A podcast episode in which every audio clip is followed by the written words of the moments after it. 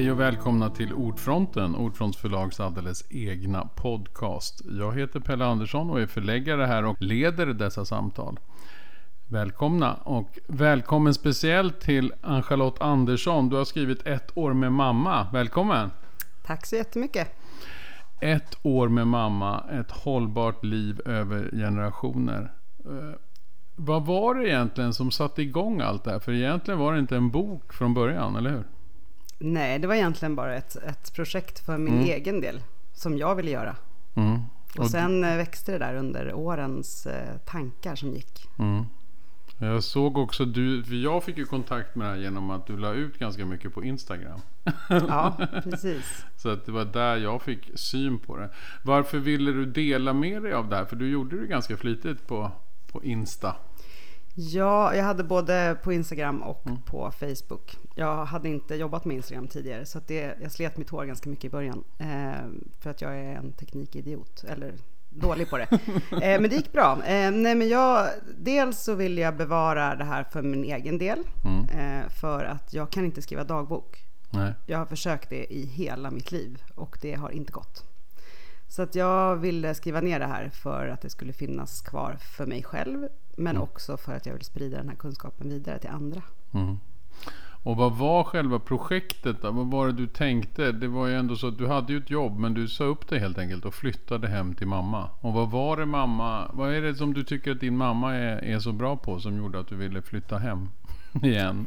Eh, alltså hon är bra på det mesta. Ja, det verkar ju så om man har läst boken. Ja. Hon är bra på det mesta som ja. har med eh, med dagligt liv att göra. Hur man klarar sig på små medel, hur man tar vara på naturresurser, hur man arbetsbyter med grannar, hur man håller sig väl med grannar genom att muta dem med olika bakverk eh, och lite sånt. Även muta dem förlag med bakverk Chokladbiskvier till ordfront. Eh, nej men så att jag ville liksom titta närmare på det där i vuxen ålder. Mm. För att min mamma har ju hållit på så här hela livet, mm. även när vi var små. Och då är det bara en naturlig del av mm. livet. Det ligger älgar på köksbordet ibland som ska styckas och det är för då har någon kommit och levererat något som hon har bytt till sig? Eller hur funkar ja, det med alltså... älgar? Köper man älg eller byter man det mot en väldigt, väldigt mycket biskvier? Väldigt mycket lingon och biskvier. Eh, nej men min eh, morbror jagade tidigare. Mm. Nu gör han inte det längre. Men då när han jagade, då fick vi ju köpa liksom väldigt billigt kött. Och det är oftast älg, men vi har också jobbat lite med vildsvin, men det är på senare år. Mm. Men älg, ibland rådjur. Mm. Men det är rätt länge sedan vi körde vilt. Mm. Eh, nu är det mer eh, gräsbeteskött mm. från Hälsingland. Då. Mm. Som mamma brukar langa på mörka parkeringsplatser i Stockholm. hon är liksom köttlangare. och jag brukar fråga varför hon gör allt det här. Varför mm. hon kuskar runt med sin lilla ruttna bil och bara tuff, tuff, tuff lämnar saker till folk. Mm. Och det är för att mat är hennes passion och hon vill att människor ska äta bra mat. Mm. Det räcker för henne. Mm. Har det alltid varit, alltså du säger att hon har alltid hållit på så här och levt det här livet och liksom delat och fixat och grejat. Men har det också alltid varit någonting som du har varit, tyckt om? Eller har det varit, eller har du aldrig liksom, har du när du var ung, reflekterar du över det här? Eller har du tänkt så här, så där ska jag också bli när jag blir stor? Eller hur tänker man? Hur har du tänkt? Eh, ja, hur tänkte jag? När jag var barn så var det bara en naturlig del tror jag mm. av livet att mm. mamma höll på. Mm. Eh, och sen hade jag ju kompisar, jag är ju uppvuxen på landet i mm. ett av husen som boken utspelar sig. I Sörmland eller i Hälsingland? I Sörmland. Mm. Eh, och då hade jag ju flera vänner som hade lantbruk till exempel. Mm. Eh, eller speciellt en. Och där var det ju också en mamma som höll på. Eh, och du vet, var i lagorn och hon var inne och hon gjorde fika och hon bakade. Och, alltså, som min Precis. mamma fast mamma inte har några kor. Mm. Eh, så det var väl, ja men mammorna på landet de är ju lite som min mamma. Alltså, fast hon, mamma är den mest extrema jag känner. Mm. Ja, men man känner ju igen det där, för det känner, alltså, det känner man nog igen från äldre släktingar från landsbygden. Det är det mm. du säger. Alltså att det, också att man aldrig inte har någonting för händerna. Alltså det är alltid någonting som kan göras. Även om man slappar i soffan framför TVn Mm. så ser man att en fot rullar någon slags slånbärslikör. eller någon virkar något. Eller någon lagar en strumpa. Eller, Precis, snoppar bönor så Ja, här precis. års. precis. Rensa svamp. ja, det går alltid att liksom göra ett par, tre saker samtidigt. Ja, ja, Mm. absolut. Är det också en viktig del av det? Känns, för det känns inte heller som att det är liksom stressande på något sätt, eller hur? Att det här att man håller Du- på hela tiden. Det känns inte som att man utför ett jobb hela tiden. Eller hur? Menar du för mig Nej, eller för, ja, min mamma? För, för din mamma. Eller är det liksom... Eller känner hon ett krav tror du också? Nej, sig? Att det hon tror jag måste inte. liksom hålla på hela tiden? Nej, Nej. det är jag helt övertygad om att hon inte gör. Nej. Hon ser ju inte de här sakerna som jobb. Nej. Hon ser det här som en del av livet. Mm. Och för att få mat så måste man ju liksom fixa den på något vis. Eh, och då väljer hon att göra det på sitt sätt. Mm. För att hon kan och för att hon är intresserad och just det som jag sa att hon vill att, var hon jättenoga med när vi var små, att vi ska äta bra mat. Mm. Och när vi fick fiskbullar så var det så här, hurray! Alltså vi var ju jätteglada att få... Motsatsen till mig Ja. då, jag hatar fiskbullar. Men ändå. Nej men, ja. Ja. men ibland då Få så fick vi något liksom färdig mat. Industritillverkat. Precis, då var det fest. Ja, precis. Eh, samma sak med bobsaft och ja, men O'boy och eller sån här, ja, men allt som var poppis när man var liten. Mm. Skogaholm. Ja men det är ju samma med hembakt och sen plötsligt kunde det dyka upp sådana här chokladfingrar eller vad de heter. Ja. Bara, Jäklar vad glad man blev. Eller ballerinakex. Ja, ja. ja verkligen. Ehm, nej men hon, hon har det där i sig. Min mormor var ju likadan. Mm. Och hennes mamma. Ja men det går liksom i generationer på något sätt. Att det Precis. också finns en plan och en tanke hela tiden. Alltså om du ska baka så fixar du dagen. Alltså det finns en liksom pågående, rullande, dolt Ja. schema. Liksom. Ja men precis. Eh, och det intressanta med, vi är väldigt olika jag och mamma. För att om jag börjar med något så vill jag gärna göra klart det. Annars känner jag typ att det är förstört. Alltså det är lite, lite konstigt men det är precis som med mitt dagboksskrivande. Att jag har förs- börjat så många gånger och sen har jag missat en dag och då är jag så här fan jävla skit och lägger ner helt. Mm. Jag kan liksom inte missa en dag. Eller jag måste göra Det är också jobb. färdigt ja, saker. precis. Och det är ju typ omöjligt va? Ja, en ja. dagbok. Jag menar, alltså, hur ska man alltid hinna med det? Ja, nej, och det var Mm. därför det var så bra under det här året. För då hade jag ju den tiden. Och jag började ju tänka i text eh, efter ett tag. Mm.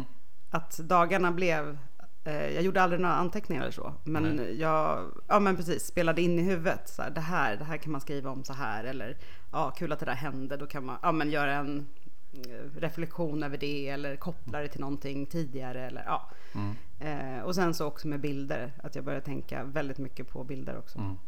Och därför är det också väldigt mycket bilder i boken. Mm? Precis. Mycket bilder. Men när du klev in där och liksom skulle återgå till, eller ingå i din mammas vardag då.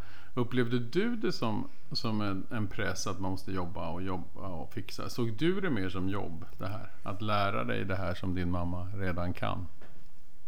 Eller hur såg du ja, på det det? Skulle, det jag, det skulle jag säga att jag tycker är lite problematiskt. Men i och med att jag hade den här tiden, om jag skulle vara där och hälsa på och Mm. ha mitt vanliga jobb och sådär, då, då är det mer så här, men kan vi inte bara du vet, göra det här nu? Eller, ja, och så håller hon på med sitt. Och det som du säger ett dolt Mm. schema. Eh, För att hon håller på med jättemånga saker olika hela tiden. Mm. Så sitter hon ner och klipper hon mattraser eller liksom går igenom en massa gamla tidningar eller ja. Och sen så kan hon gå ner och då har degen jäst Mm. eh, och så gör hon lite det och sen så går hon iväg och gör något annat. Eh, går ut och tar in ved eller vad det nu är. Mm. Och i det där ständiga görandet så upplever jag att det är någonting som en kvalitet som man inte kan ta på. Nej. Och man kan heller inte härma den. Nej. Utan det är någonting som sitter liksom i hennes kropp. Mm. Och jag har inte det i min kropp. Jag är jättebra på att slappa. Mm. jättebra på det. Det är ju ganska skönt också. Ja, jo. Mm. men precis. Och sen så kan jag, jag har ju lärt mig jättemycket saker av mamma. Och Mm. det har jag ju lärt mig sedan jag var liten. Alltså, Det finns saker. där i dig också. Jo, men det gör som det. en dold kunskap även hos dig som märks plötsligt när Ja. du ska göra det. Jo men visst, för det kunde jag ju märka på jobbet att de tyckte att det var jättekonstigt att jag ville plocka lingon och koka sylt till exempel. Mm. Men vadå, det är bara att beställa sylt från Allt Grönt. Mm. Den är ekologisk. Jag bara, ja eller så plockar vi lingon med barnen och gör det här tillsammans. Mm. Så att där finns det väl lite sånt liksom i mig. Men inte det här att jag är i ett ständigt görande. Nej. Men hur har din mamma kombinerat, jag blir bara nyfiken, hur kombinerar hon det med ett jobb och så? Förr? då? Det är ingen som vet det. eh, för att Det är jag... ännu större mysterium eller ännu mer dold kunskap. Precis. Eh, nej, jag har frågat flera gånger Mm. och mamma har inget svar på den frågan. Nej. Eh, för också när vi var små, då var vi ju små som sagt, tre barn. Mm. Eh, en pappa som eh, mest meckade bil och svor och typ höll på med sina grejer. Mm. Eh, ja men drog in pengar såklart. Men det gjorde ju mamma med för hon jobbade ju. Mm. Men hon sydde kläder till oss och ja men du vet hon gick på alla föräldramöten och bakade och syltade och saftade och plockade lingon och gjorde allt det här som hon gör. Men hon vävde inte då. Okej. Hon hade kunskapen, för den har hon haft jättelänge, Mm. men inte tiden och framförallt inte platsen. Eftersom huset som vi bodde i är ungefär Det som en sko... Nej, men det är en skokartong. Ja. Den är, det är pyttelitet liksom. Mm. Så att fem pers där och liksom flera katter, två hundar, alltså massor med djur. Det är så mycket av Ja allting. men alltså det är, var så mycket, också när man tänker tillbaka på det här med alla djuren. Alltså, du vet, det är Mm. ju helt knäppt att vi hade så mycket djur hela tiden. Mm. Eremitkräftor och fåglar och hamstrar och kaniner och allt möjligt. Ja, men det var kul. Det var ju mamma, mamma var ju alltid lite tveksam till djuren. Mm. Men pappa var ju Han var pro för djur. djur, Han var för djur. Mm. Och han fick ju med oss oss barn. Förstås. Ganska lätt på det. Eh, framförallt mig. Mm. Och sen så blev det ju mamma som fick också ta hand om djuren. Ganska mycket. Du vet, mata Som och... brukligt är, Ja, men eller? precis. Det har man ju förstått. Det är Precis. därför inga djur kommer över min tröskel. Ja. För Nej. jag vill inte ägna mig åt djur. Nej. Men vad tycker du är den stora liksom, lärdomen då? Eller vad, vad, det kanske är olika saker som hände under året som, som fick dig att liksom, speciellt reflektera under ditt år med mamma? Ja, eh, lärdomen överlag tänker jag är ju det här sättet att se på arbete. Att jag har förstått att det är en helt egen, jag vet inte vad man ska kalla det för, ett eget fenomen. Mm. Eh, men också att den äldre generationen, många av dem har det här i sig. Mm. Och tiden som jag hade under det här året, under den tiden så hade jag också väldigt mycket tid och ro att prata med äldre personer. Jaha, just det. Andra äldre än Andra mamma. äldre, Ja, det. Mm. precis. Som men berättar helt otroliga historier om deras kanske farmödrar, mormödrar, deras mammor. Men även sig själva när de var unga. Hur det, ja, men hur det var, vad man var tvungen att tänka på. Hur, ja, men hur livet då på något sätt gick sin gilla gång. Men det är ju så väsensskilt från hur vi lever idag. Mm. Och det är ändå inte så länge sedan. Nej, precis.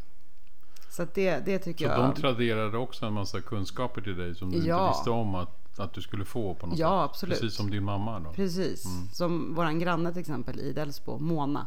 Hon är ju bifantast. Eh, och hon lärde sig av min morfar. För min morfar höll på med bin. Okej. Eh, så det var jättefint att hon berättade väldigt mycket om min morfar, hur han lärde henne. Och hon var väldigt ung. Men hon liksom smög ner till honom och så hängde hon med liksom. Och lärde sig det här från grunden. Och sen har hon haft egna bin. Det har hon inte längre, men hon har haft det i många år. Mm. Ja, och den där äh, kunskapen, den brukar ju traderas per automatik. Tror du att det också är någonting som håller på att upphöra? Alltså är det därför också du känner att det är viktigt med att skriva boken eller göra boken? Tror du att det liksom inte traderas på samma sätt? För att folk flyttar, folk drar från det där livet och lever helt andra liv och att det hoppar över generationer och så. Ja, precis. Alltså, nu finns ju Youtube. Där Mm. kan man ju kolla på allt hur man gör. Men jag tror att den här mänskliga kontakten i lärandet är jätteviktig. Mm. Och jag tror att den är på väg att försvinna. Mm. Det tror jag. Eh, I alla fall minskat extremt drastiskt. Men fick du lust också då att liksom på något sätt bli en sån person igen? Att liksom leva det där livet själv? Alltså inte bara som ett studium under ett år med din mamma. Vill du flytta ut på landet och leva ett sånt här, ett sånt här typ av liv? Eller är det omöjligt att starta om ett sånt? Förstår du? Börja på nytt? Vad tror Det du? där håller jag ju på och tänker väldigt mycket på. Mm. Eh, jag har inte direkt något svar på den frågan. Jag, jag vill bo på landet. Mm. Frågan är hur, lite hur det ska gå till. och eh, just nu känner jag mig inte redo för det. Nej. Jag brukar tänka att jag ska bo på landet när jag blir stor. Mm. Men jag är liksom snart 50 och jag fattar inte hur det När blir man när stor? blir man stor? Liksom? När blir man vuxen? Jag blev refererad eh, som en vuxen kvinna under, alltså på en recension. Mm. Eh, och det blev så tydligt. En av mina bästisar ringde upp mig direkt efter hon hade sett den och bara De sa att du var en vuxen kvinna. Så och så skrattade vi jättemycket åt det. Eh, för att det kän, jag känner mig inte alls som det. Nej. Så att, absolut, jag skulle vilja bo på landet. Mm. Eh, samtidigt så förstår jag hur jädrans mycket jobb det är. Mm. Speciellt när man inte har några pengar som vår familj inte har. Eh, ja, men hus kostar. Och, eh, Och inte bara i ja, om liksom. Precis, inte Även bara i pengar. så- ja, mm, utan även i, i slit. Massa tid. Ja, särskilt om man inte har pengar då blir det ju ännu mera slit. Precis. Ja. Så att min förhoppning är ju att jag ska kunna jobba med något eh, som jag tycker är kul. Mm. Fast inte så mycket. och då kommer jag ha tid att bo på landet Mm. och leva mer som mamma. För det, det skulle jag verkligen vilja. Jag tror, eller jag vet att det är bra för människor. Det känns ju också som att hela det här, det som vi nu pratar om som arbete, att det är någon annan form av arbete. Eller hur? Alltså, det skulle ju inte definieras från politiker idag som riktigt jobb, eller hur? Fast Nej, det nej. är ett slags ändå arbete. Ja, och, och det är väl det här som är väldigt klassiskt kvinnohistoriskt. Mm. Att kvinnors jobb har setts som självklarheter. Mm. Kvinnor tar hand om barn, de syr, de stickar, de lagar mat, de plockar lingon. De gör alla de här sakerna Mm. och de har ingen lön. De jobbar ju hemma. Alltså, Min mormor jobbade extra som kalaskokerska ibland, men hon var ju när hon fick barn så jobbade hon, hon var piga först. Mm. Men så fort eh, hon gifte sig och mamma kom, då var hon ju hemma Mm. och skötte djuren och de hade ju småbruk. Eh, Men det var ju jättemycket jobb. Mm. Eh, Men det var ju morfar som drog in pengarna. Mm. Fast hon ändå gjorde massa saker där. Ja, hon ja, var ja. ju typ anställd då. Ja, precis. Ja, ja, man ja. Allt det här är ju ändå ett slags arbete. Mm. Ja, ja, ja, gud ja. Och hon fick ju liksom hushållspengar och alltså morfar var ju en vettig person. Så att det var ju inte så att han tyckte att det var hans pengar. Ehm, Men att det arbetet som kvinnor i generationer har utfört helt oavlönat eh, räknas ju inte som jobb idag heller. Nej. Men finns det några saker i det här arbetet som du liksom inte hade en aning om att det skedde? Eller förstår du? Är det saker som du har nu upptäckt att det här händer? Eller är det ändå någonting som... Finns det saker i det här som är helt okända sysslor för dig? Eller egentligen visste du om att allt det här rullade på i det där hemmet? Att din mamma gjorde allt det här? Eh, Jo, Ja. men jag har vetat om det och har förstått det. Men kanske inte i det liksom, omfånget. Nej. Och inte heller i, på detta halsbrytande livsfarliga sätt som hon håller på. alltså står på stegar, eh, vadar som en stork över grejer som står överallt och ja, men allt det där. Bär tunga saker, skottar snö. Eh, och det tänkte jag att hon kanske hade slutat lite med för att hon är äldre. Men det har hon inte. Nej. Nej. Och det var väl en av de liksom stötstenarna som vi höll på med. Att jag tyckte att nu är ju jag här, kan inte jag få göra allt det där? Eh, men det, mamma blev ganska irriterad på mig faktiskt. Och det är så, när man, alltså irriterad som i att säga nej men det går bra. Det är när mamma blir irriterad.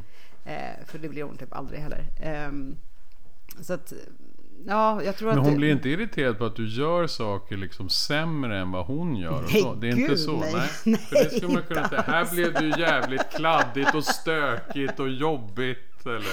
nej nej nej, nej, nej, nej. In, ingenting sånt. Hon, är, hon är en bra lärare då? Ja, hon Eller? är ju lärare i Mm, botten. ja. Hon har ju arbetat, arbetat som hushållslärare i hela sitt liv. Mm. Kan Så man att hon säga. kan ändå liksom tradera kunskapen också kanske bättre än andra till dig. Ja, och, och hon har ju det här eh, väldigt pedagogiska, också kunskap som sitter i händerna. Visa eh, istället för att bara prata. Mm. Ehm, Ja, men det, den här kunskapen som sitter i kroppen, det är också en sak som Mm. håller på att försvinna. Därför att, den är väl väldigt svår att överföra, tänker alltså, jag. jättesvår. Ja. Jätte, jättesvår. Mm. Eh, och tidigare yrken som fanns, alltså flottare, smed, inte Mm. vet jag, alla de här sakerna. Det är ju lärlingsyrken, Mm. men också pigor. Det fanns ju alltid en lillpiga, oftast. Så man sakta men säkert som lärdes kliver- upp. Precis. Precis. Och eh, den formen av kunskap eh, räknas inte heller idag. All kunskap som människor har ska finnas på papper. Det är det viktiga. Här står det vad du har gjort liksom, och det här kan du. Och sen hur man är som person till exempel eller vad man faktiskt kan eh, som inte får plats på ett papper. Det är inget man räknar med. Nej. Och så var det ju inte förr alls. Och de personerna, det var ju inte som att de jobbade sämre. De jobbade kanske till och med bättre. Mm. Och det där är ju väldigt, väldigt sorgligt. För att det finns ju så otroligt många. Alltså det märker man ju också på folk generellt i alla yrken, eller hur? Alltså kommer man in, jag menar det är ju samma med mig själv. Jag har ju aldrig gått någon utbildning. Alltså jag har gått ett år på en folkhögskola en gång. Ja, för folkhögskola. Så yes. att det, det är ju liksom, och det där är ju så svårt att fånga. Och det är ju nästan omöjligt idag, eller hur? Att kliva in någonstans och få pröva på och sen Ja. bli en del av en arbetsgemenskap. liksom. Precis. Vilket man också vet att det är ett väldigt effektivt sätt att lära sig på. Men eh, det räknas inte. Nej. Eller man tänker kanske inte på det. Eller jag vet inte vad det beror på om det handlar om också att har man en utbildning så visar man ju på något sätt att man minsann eh, har klarat av saker eh, som man kan skriva ner på ett papper. Men om min mamma skulle göra en ett CV med Ett allt hon CV, kan. exakt Det skulle bli så. ganska långt. du, när, jag, när jag sökte pengar, när jag skulle söka pengar från Iris-stipendiet så skulle vi göra mammas CV. Och det Mm. var så här, okej men vi får sluta nu för att det här är jätte, du vet, det funkar liksom inte. Alltså vad, ja. Eh, Men jag menar traditionellt så är det väl mer så här, okej mamma är lärare, hon har Mm. arbetat som det. Sen har hon hållit vissa kurser, alltså så. Mm. Men vi gjorde ju också ett lite annorlunda CV för att vi tänkte att det passade Mm. boken. Just det. Precis. Men... Och jag fick tycker pengar. Du, ja, oh, wow. Men hur, hur, hur upplever du själv då att du har lyckats förmedla det här i boken? Hur känner du själv med boken? Hur blev det här överförandet av den här kunskapen till papper, till bild, till en helt annan grej? Ehm, Jag kan säga vad jag tycker sen. Så Ja, kan säg vad du tycker du sen. Eh, jag, är väldigt, jag är väldigt nöjd Mm, med boken. Jag sa till Helena eh, att min Redaktören, redaktören precis. Man bara, min redaktör, låter Ja. så flashigt. Eh, Men det är din det är redaktör. Man får säga man så. får säga så. Ja, det känns helt surrealistiskt. Men eh, just det att jag hade ju inte läst boken förrän boken kom som bok. Nej, För det att- blir gärna så. Ja, Det för när man håller på, liksom. Ja. när jag var mitt i projektet, då skrev jag en text varje dag och sen var den texten borta. Så, ny dag. Alltså jag tänkte inte på den något mer. Nej. Om jag inte gjorde någon återkoppling eller sådär. Vilket hände ibland. Eh, men när jag väl läste den så var det väldigt så här, oj den är väldigt personlig. Mm.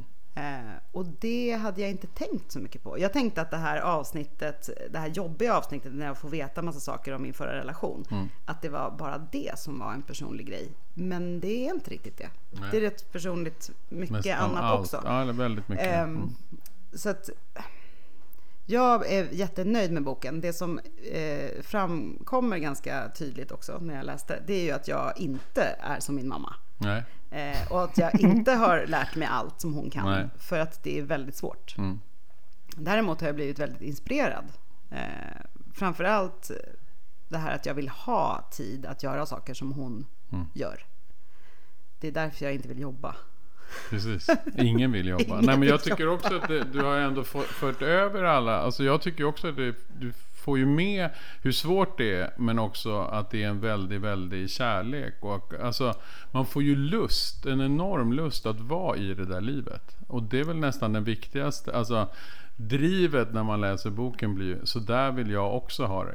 Kanske minus någon, några Ja. saker. Jo, Lite stök eller några trasiga bilar eller, eller så kanske. Precis. Men Får göra en lista så här, lite förutom- bekvämligheter kan man tänka sig att man vill ha. en dusch utan så här massa blomkrukor som man snubblar och så. Som Vissa saker kan Ja, man visst. tänka på. Ja, absolut. Ehm, Men, men det känns ju ändå som att det finns så himla mycket i det där. Och en slags närhet till någonting som vi kanske i vårt vardagliga liv kan känna oss väldigt alienerade inför. Ja. Eller hur? Ja, Hur kommer allting på bordet? Här är man ju med hela Mm. den resan på något sätt. absolut. Ehm, och också att det var väldigt mycket, ja men vi hade ju väldigt mycket restfest. Mm. Vi gjorde ju om rester hela tiden. Så här, man lagar massa och sen så gör man om det till andra saker. Mm. Eh, för att det är också inte så roligt att stå och laga mat jämt. Även om mamma gillar det. Men hon har ju massa andra saker som hon vill göra. Eh, Precis. Och det där med matlagningen är ju också något väldigt jobbigt eftersom det återkommer varje dag. Alltså Ja, det är en, ändå en Exakt, påfrestning. kvinnojobb ja. som, om man tänker sig förr hur det, Det tar aldrig slut. Aldrig slut. Nej, ja, men så här, mat, diska, städa, ta hand om barn. Alltså det tar ju aldrig slut Nej. eh, för kvinnor. Mm. Medan män bygger hus och de står kvar. Och så kan man titta på det och säga, titta vad Ja, fint jag har gjort. titta vad fint jag man gjort, kan titta på precis. sina barn ibland och tänka kanske samma tanke. titta Ja. vad fint jag har gjort. Jag brukar titta på min hund och tänka, titta, vad, fint jag har gjort. Men det tror jag faktiskt, mamma är väldigt, hon är väldigt nöjd med oss barn. Det, det är väldigt Mm. Ja. fint. Mm. Eh, för att hon har heller, varken hon eller pappa någonsin haft några krav på oss att vi ska Nej. bli något. Eller om vi har sagt att vi vill göra någonting så har de alltid sagt, ja men jag gör Ja, det. prova. Prova, precis. precis. Ehm, och väldigt stöttande i det. Mm. Ehm, nu har jag nästan glömt bort vad du frågade om. Ja, det, ja, men det var om du var nöjd med boken. Sen har vi bara fortsatt lalla Ja, iväg från den Eh, frågan. jag är Ja. jättenöjd med boken. Eh, och också då tack, väldigt mycket tack vare min redaktör Helena Lindblom som är otroligt proffsig. Och även Eva Geis som har gjort eh, Formen. Formget. Precis. Men jag tror också det där du sa med att det som pågår, alltså det här att de alltid har tillåtit dig att pröva dina föräldrar. Mm. Är inte det också lite av grejen med den här typen av jobb eller det här som du beskriver här? Allt Mm. det här som din mamma gör eller det du vill lära dig. Det är ju ändå saker som man kan göra, misslyckas, göra om igen. Och så Ja. till slut blir man ju liksom en klippa på massa saker. Alltså, Precis. det är som många säger, alltså jag är relativt händig själv. Men det är ju för att jag har fått hålla på i en snickarverkstad sedan jag var liten. Och så Ja. har man kommit upp till mamma eller pappa och visat det man har gjort. Och de bara, ja, mm, men du kan pröva igen. Alltså, Jo men precis. Lite beröm men ändå, ja. Ja, nej, men Ja. så är ju mamma jättemycket. Att, eh, ja men du vet, en gång är ingen gång. Mm, Du precis, får öva, alltså som det här med att jag övade chokladbiskvier. precis. Eh, första gången såg det ut som så här fula tallkottar typ. Eh, inte så, alltså goda, men fula. Mm. Eh, så att eh, det är ju, och hon pratar ju om de här tre F'n. Eh, fakta, eh, färdighet och förtrogenhet. Just det. Och när man har nått till förtrogenhet då kan man ju börja göra massa avstickare från, den här, från det här och testa Mm. Precis. massa andra grejer. Eh, för att då vet man hur matkemin funkar, hur man ska göra för att det ska, ja men för att rädda en sås eller för Precis. att, alltså massa sådana grejer. Som istället för att bara slänga. För det gör ju ofta folk så här, det blev fel, ja men då slänger jag det. Mm. Ja, här." för man börjar om då. Ja, då börjar man om. Det skulle mamma aldrig göra. Det är som du och dagboksskrivande. Ja precis, precis. Bara, så här knallar ihop och om. slänger. Bara, Fan vad dåligt gick.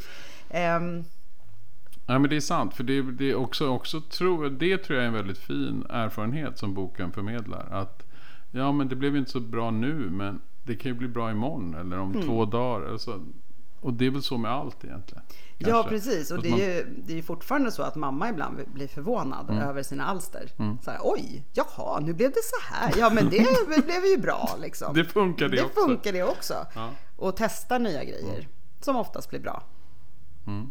Ehm, och sen tror jag också att boken det, det upplevde jag under tiden som jag skrev och hade mina följare som är kanske 90% kvinnor i min ålder och äldre. Mm. Eh, att de tänker väldigt mycket på sina egna mammor Mm. och relationen till dem. Eh, och många har skrivit att de önskar att de hade gjort något sånt här eller varit mer uppmärksam på deras eh, mödrars arbete. Precis. För det är någonting som bara har funnits. Mm. Och sen så plötsligt finns det inte längre. Och Nej, då precis. blir det väldigt tomt. Är det kanske en av de också största lärdomarna du själv har gjort? Att du ändå tog tag i det här och fick vara med din mamma så mycket och så intensivt att det var viktigt för dig? Ja, Mm. väldigt, väldigt. Eh, det är ju essentiellt. Mm. Ja. För det känns ju som att det första tank, det att du gjorde det här var för att lära dig massa saker. Mm. Men det kanske finns en helt annan känslomässig sak som du inte hade liksom tänkt på. Att Ja. knyta den nära kontakten med din mamma. Precis. Vi har ju vi har väldigt nära kontakt med Mm. mamma, alla vi tre eh, barn. Ehm, de andra, mina syrror har ju egna barn, Mm. så att mamma har ju sina barnbarn här i Stockholm och sådär. Så hon är ju mycket här. Mm. Ehm, men, jag, ja, men jag ville lära känna min mamma igen, i, ja, men som Mm. vuxna. Jag är vuxen, mamma är vuxen. Sen är jag alltid mammas barn. Det Mm. Kommer dyker upp, kommer alltid att vara. Det märker man i boken också med mitt humör och sådär. Ehm, men det var, en, det var en jättestor del. Att få vara i hennes, förstå mer hennes väsen, hennes person, hur hon tänker, hur hon lever sitt dagliga liv. För det var det länge sedan jag var med i. Mm. Härligt också att det blev så fint då. Så att det inte blev en, ledde till allt för stora konflikter, eller hur? Ja, nej, men det- det var- Men det visste du säkert innan, att Ja. det skulle bli ganska bra det här. Ja, jo men det visste jag. Jag var aldrig orolig för att bo med mamma. Jag visste ju också att jag bodde hos henne på hennes premisser. Jag fick ju komma in i hennes hem. Mm. Och eh, det var hon som bestämde. Fast ah, alltså mamma är ju ingen bestämmande typ. Ja, men du förstår vad jag också. menar. Jag Ja. fattar grejen. Ja. ja. Eh, Hon är väldigt följsam och väldigt eh, öppen för olika saker. Ehm, Hon, är aldrig, hon dömer ingen och det är en väldigt fin egenskap. Mm. Vi eh, pratade om det igår. Att vi firade, ja, jag kom ut till landet, det var dagen efter nationaldagen. Mm. Och så frågade jag, ah, hur har ni haft det? Och då svarade mamma, att ah, men jag bakade egna nationaldagsbakelser som jag hittade på. Så här, de blev väldigt goda, jag bjöd grannen. Ja, ah, vad gjorde du? Jag bara, nej men jag var hemma så här, jag och några kompisar eldade flaggor på balkongen. Hon bara, nej men vad trevligt. Vilka var det som var där då? Du vet, jag bara, ah, det var den och den och så här, dens barn. Och du vet. Hon bara, jaha vad kul. Så jag hälsar dem så mycket. Det, det Man kan ha lite olika. man kan ha lite olika firanden och det gör inget. Det är Nej. helt okej. Ja. Så det tycker jag visar min mammas eh, i ett nötskal på något vis. Mm. För hon tycker så här, ja men visst. Underbart. Och det är ju det som är så härligt med boken. Att man känner att den är så välkomnande och öppen. Och, alltså, man lär sig massa andra saker också om livet än bara den här hållbara kunskapen som, som Ja. det står om på framsidan. Eh, och det tänker jag är en, om det hade varit en renodlad bok i, eh, ja men som det finns ganska mycket sådana böcker. Typ självhushållning. Ja liksom. men Mm. precis. Eh, det, det var inte det jag ville göra. Eh, inte- delvis nej, ja. Men det, det är så många andra dimensioner i det här eh, som jag tycker är minst lika viktiga. Ja, kanske viktigast av allt. Kanske viktigast av allt. Precis. Utmärkt. Tack så hemskt mycket Ann-Charlotte för att du kom hit till Ordfronten och ville prata lite med mig om ett år med mamma. Ja men tack själv, det var jätteroligt. Mm, tack, ha det så bra. Ja, Det var allt för Ordfronten för den här gången och vi återkommer snart med nya avsnitt. Det kändes ju underbart det här. Ha det bra, hej då!